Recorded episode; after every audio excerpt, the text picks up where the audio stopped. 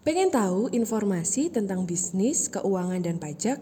Dengerin terus di Cash, The Consulting Podcast, agar kamu selalu update informasi seputar bisnis, keuangan, dan pajak. Stay tune!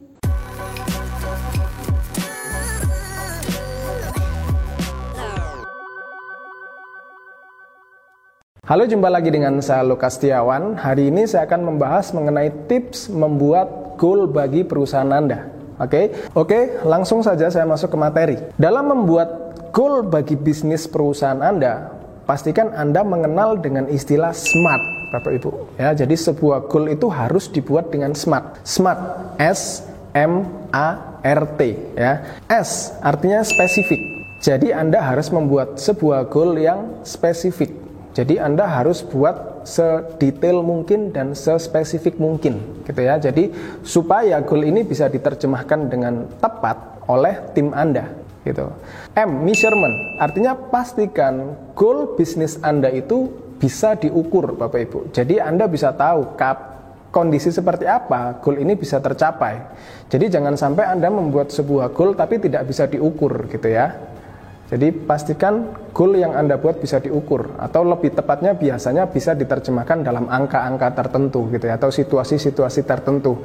Jadi Anda bisa mengukur keberhasilan dari goal yang Anda buat. Kemudian yang ketiga, A itu adalah achievable. Ya, pastikan goal yang Anda buat itu memungkinkan untuk dicapai oleh perusahaan Anda gitu ya. Jadi dalam membuat bisnis Anda tidak boleh yang terlalu gampang diraih tapi juga tidak boleh yang sangat muluk gitu ya sehingga itu tidak memungkinkan untuk diraih. Jadi Anda perlu buat goal yang achievable atau memungkinkan untuk dicapai. Kemudian yang keempat adalah R ya. R itu artinya relevan ya. Artinya Anda harus buat goal yang relevan dengan bisnis Anda, relevan dengan visi misi perusahaan Anda, relevan dengan nilai-nilai perusahaan Anda. Jadi pastikan goal yang Anda buat itu sesuai ya, relevan dengan budaya kerja, visi misi dan dan nilai-nilai perusahaan Anda. Oke. Kemudian yang keempat adalah T atau time base ya. Pastikan Anda punya jangka waktu untuk meraihnya. Jadi Anda harus tetapkan target dalam jangka waktu berapa lama goal-goal tersebut harus bisa direalisasikan. Ya, karena kalau Anda tidak mem, mem, mem membuat deadline gitu ya. Anda goal itu akan jadi ya semacam goal biasa yang Anda tidak tahu kapan bisa mencapainya. Seperti itu. Jadi smart ya specific measurement achievable relevant dan time based Butuh strategi bisnis yang ideal untuk bisa mengembangkan usaha dengan lebih luar biasa? Dapatkan video series People System Finance dengan kunjungi www.theconsulting.id slash video series. Itu yang pertama. Kemudian yang kedua, tips kedua, Anda dalam membuat goal perusahaan ya, Anda harus berkiblat pada empat poin, Bapak Ibu. Oke, jadi pastikan Anda membuat goal itu berkiblat dalam empat poin.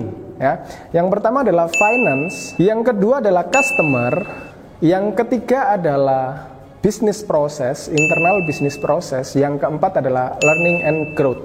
Ya, artinya apa? Ini saya ambil dari konsep balance scorecard, Bapak Ibu. Jadi balance scorecard ini artinya dia bisa memberikan keseimbangan. Jadi Anda harus punya goal yang berbasis untuk customer satisfied, anda punya goal yang berbasis pada internal bisnis proses perusahaan Anda, Anda punya goal yang berbasis pada financial perusahaan Anda, dan Anda harus punya goal yang berbasis pada learning and growth atau pengembangan tim Anda, gitu ya. Jadi saya kasih contoh, misal dalam financial Anda bisa membuat goal terkait omset lah, target omset, ya, itu semua masuk ke financial. Ya, kemudian customer satisfaction, customer satisfaction, Anda bisa buat goal, misal jumlah customer yang repeat order, misal jumlah customer yang kasih testimoni, misal. Nah itu semua adalah goal-goal yang terkait uh, customer satisfaction, ya. Kemudian internal business process. Untuk internal business process, misal Anda buat goal mengenai turnover karyawan yang turun, misal atau Anda bisa membuat goal penambahan karyawan misalnya. Itu tentu akan membuat bisnis Anda semakin berkembang tentunya ya. Dan kemudian yang terakhir terkait learning and growth Anda bisa membuat goal. Misalnya terkait KPI karyawan gitu ya. Jadi kalau perusahaan Anda punya KPI ya untuk learning and growth Anda bisa misal buat goal itu KPI karyawan harus mencapai level 4 misal dari 4 poin atau level 8 misal. Ya tergantung tergantung penilaian perusahaan Anda gitu ya. Jadi semua empat unsur itu Anda harus evaluasi dalam bisnis Anda. Kira-kira dari sisi finansial apa sih goal saya?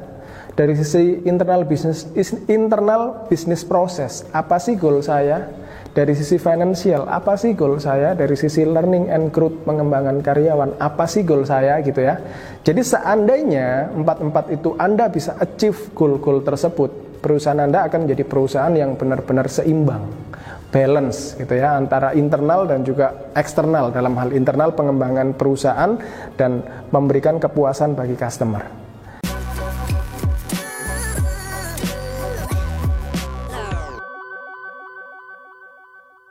Terima kasih sudah mendengarkan Tikes. Sampai jumpa di episode berikutnya ya.